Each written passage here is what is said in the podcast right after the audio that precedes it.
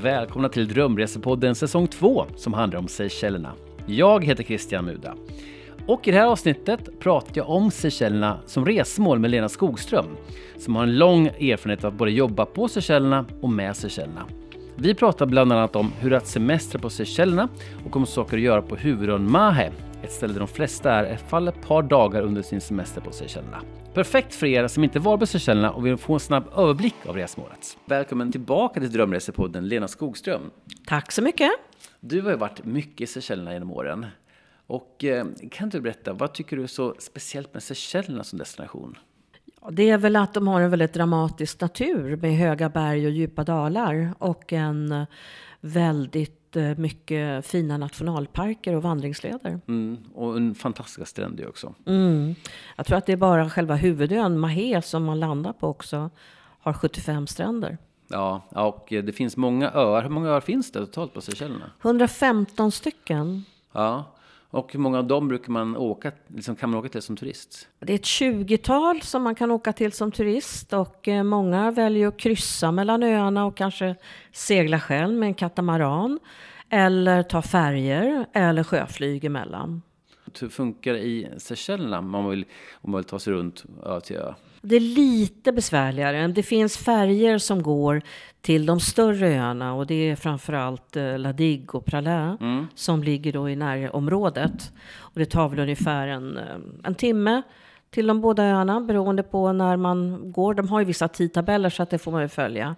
Men vill man verkligen uppleva Seychellerna på egen hand och se olika öar, då skulle jag rekommendera att man antingen då hyr en kryssning med en egen kapten eller kryssa själv.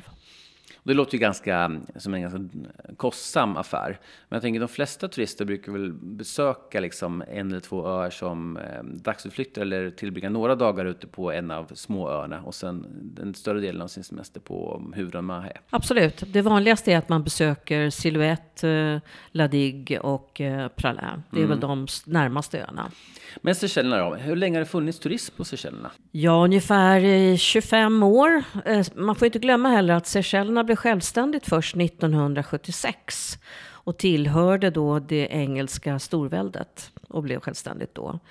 Men Seychellerna har ju faktiskt varit ganska oupptäckt rent historiskt, för det var först på 1500-talet som portugiserna kom dit och började befolka öarna.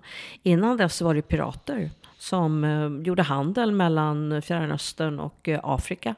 Och de bodde då på de här olika öarna och eh, mumsade på de här jättestora sköldpaddorna som då utrotades. Men nu finns de igen? Nu finns de igen. Man har lyckats återställa stammen så att uppe i Aldabra, som är den största atollen, eller näst största atollen i världen, så har man lyckats få tillbaka en, en stam på 150 stycken, 150 000 sköldpaddor. Det som också är lite fascinerande, det är att många hotell som ligger just vid stränderna eller rättare sagt, de ligger en bit in ifrån stranden. För man får inte bygga på stranden just därför att sköldpaddorna går upp och lägger ägg. Mm, mm. Eh, men då är det inte alls ovanligt att hotellen har sina nästen. De har koll på var de ligger och man kan då följa med ut och på nätterna för att se när de kläcks och de här små sköldpaddsungarna ger sig ut i havet. Man kan ju också dyka och har man tur så kommer man stöta på sköldpaddor även i havet. Absolut, och det finns ju väldigt många olika sköldpaddssorter också. Mm. Och förutom sköldpaddor så har du tur kan du se även valhaj. Ska vi prata lite vad man kan göra på Mahé eh, om man är där och hur mycket tid man då vill tillbringa där av sin semester om man har två veckor på Seychellerna? Jag tycker nog man ska försöka kombinera att man kanske åker ut till någon av öarna, Prala eller La Digue eller Silhouette eller även upp till eh, de öarna, Dennis Island eller Aldabra. Aldabra. En kombination med eh, de öarna har, det erbjuder liksom allt vad Seychellerna har att erbjuda i och med att själva Maheda bor ju huvuddelen av befolkningen så där är det ganska mycket trafik hela tiden. Det, det händer mycket saker. Medan det här perfekta läget med eh, paradiset upplever man nog mer ute på öarna. Och där har den också några av världens mest berömda stränder. Både på La Digue och på Praslin. Mm. Jag bodde ju hela min vistelse på Mahem, gjorde dagsutflykter och med facit i hand så skulle jag nog bott tror jag, några dagar också på några av de mindre öarna. Mm. Eh, som för mig kanske var ännu mer den här drömökänslan. Mm. Eh, men Mahé fanns det ju väldigt mycket att göra på också. Det som är kul med Mahé, där finns det ju mycket restauranger, det finns strandbarer, det är ett helt annat tempo på Mahé.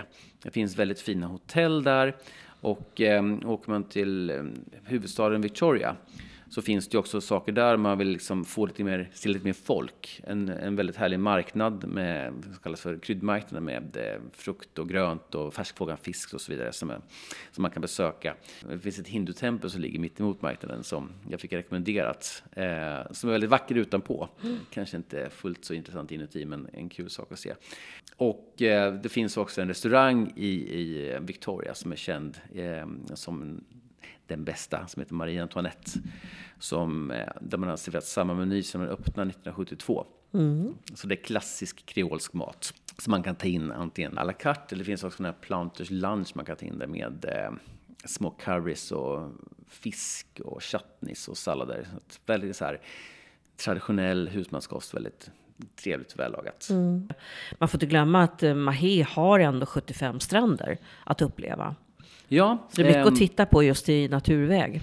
Men de stränderna är ganska enkla skulle jag säga om man inte åker till stränderna vid hotellerna. Alltså, det var inte det här man ser på om man har varit på mer turistöar där det finns liksom försäljare och solstolar och parasoller. De här stränderna var ju ganska eh, öde. Ja, det är de. Man kunde mm. få ganska egen privat del av stranden för sig själv.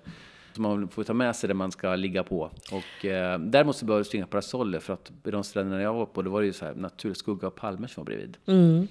Ja, det finns inga kommersiella stränder på det sättet. Utan eh, där får man ta med sig sina egna grejer i sådana fall.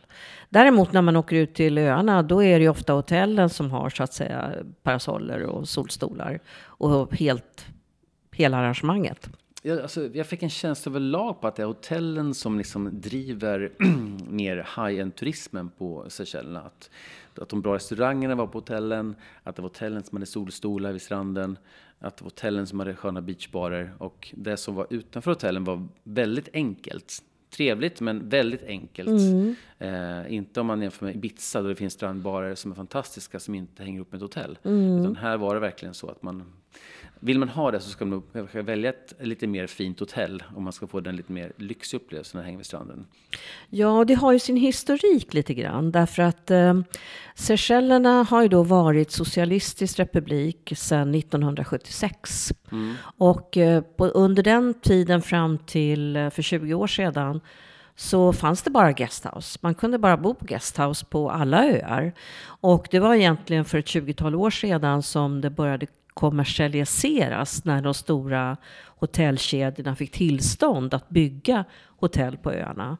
Och eh, det gjorde att det har, väldigt, det har utvecklats otroligt mycket. Och, eh, Idag är man väldigt beroende av turismen för man har ingen annan näring egentligen. Tidigare så hade man ganska stora odlingar utav eh, socker men turismen är ja, till 99,9 procent viktig inkomstkälla. Ja, och socker förresten, det får inte glömmas att på, på, på Maj finns ju också Seychellernas största romdestilleri, mm. Takamaka, eh, som grundades av några sydafrikanska affärsmän. Eh, som först gjorde slut på all sockerrörstillverkning som gjordes på Mahe och sen på kringliggande öar. Så nu gör de så mycket rom så att de köper mycket eh, sockerrörs eh, juice från eh, andra öar som eh, Mauritius också som gör, ja men de gör väldigt härlig rom som är sån här, ja men fin rom. Det är alltid från den enklaste rommen till en lagrad rom som mm. ligger på ektunnor flera år.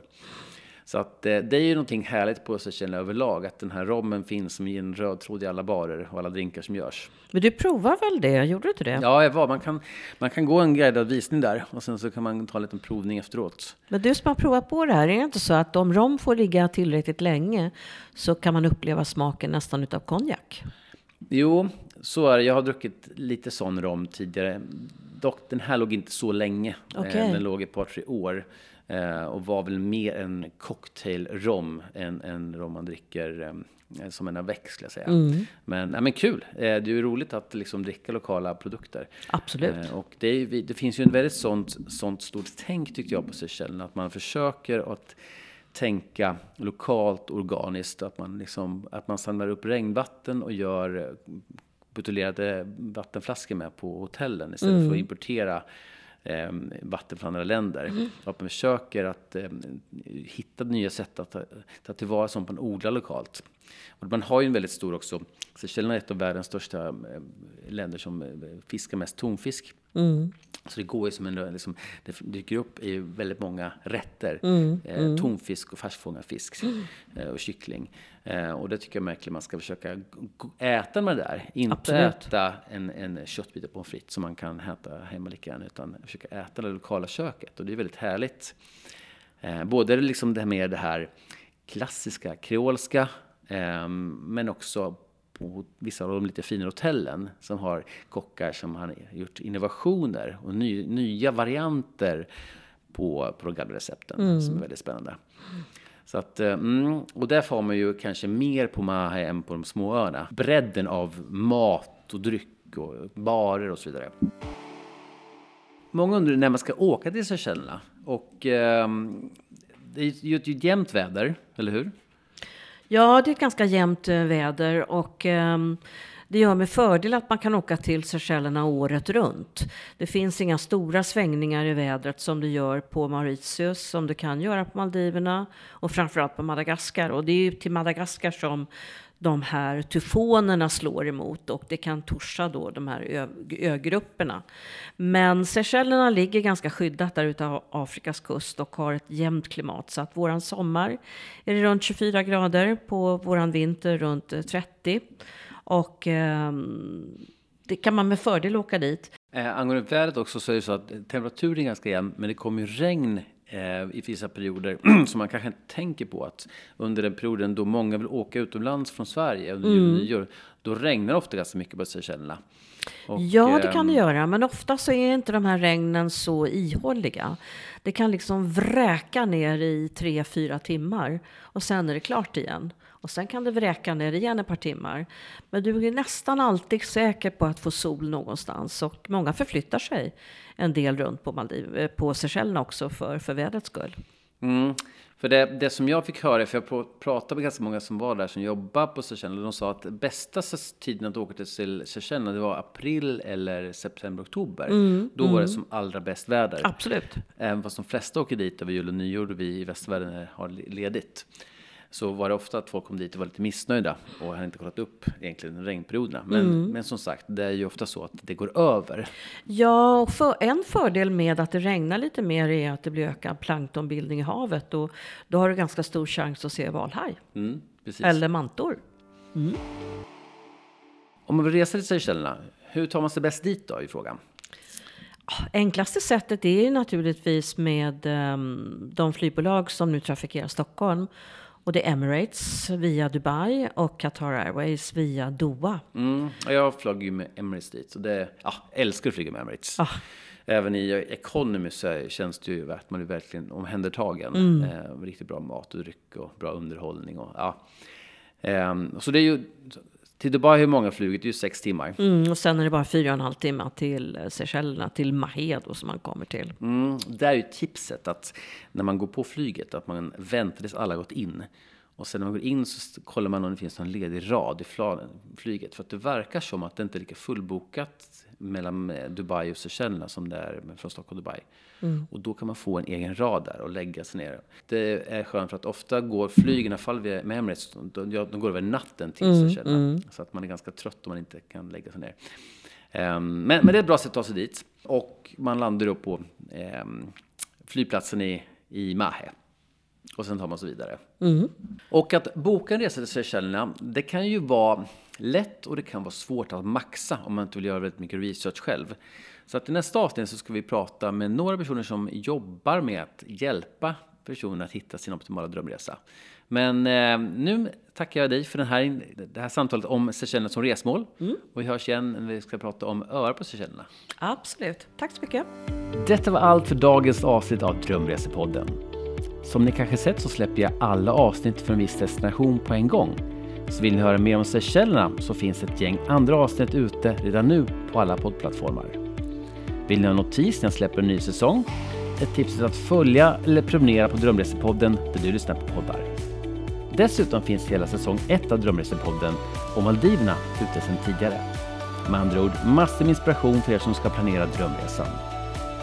Och vill du läsa eller kolla på bilder istället för att lyssna så finns det reportage om både Maldiverna och Seychellerna på mat och resebloggen som jag också driver. En av Sveriges mest lästa resebloggar med fokus på lite mer exklusiva resmål, restauranger och aktiviteter på resan som skidåkning, dykning och vandring. Lycka till med planeringen av just din drömresa!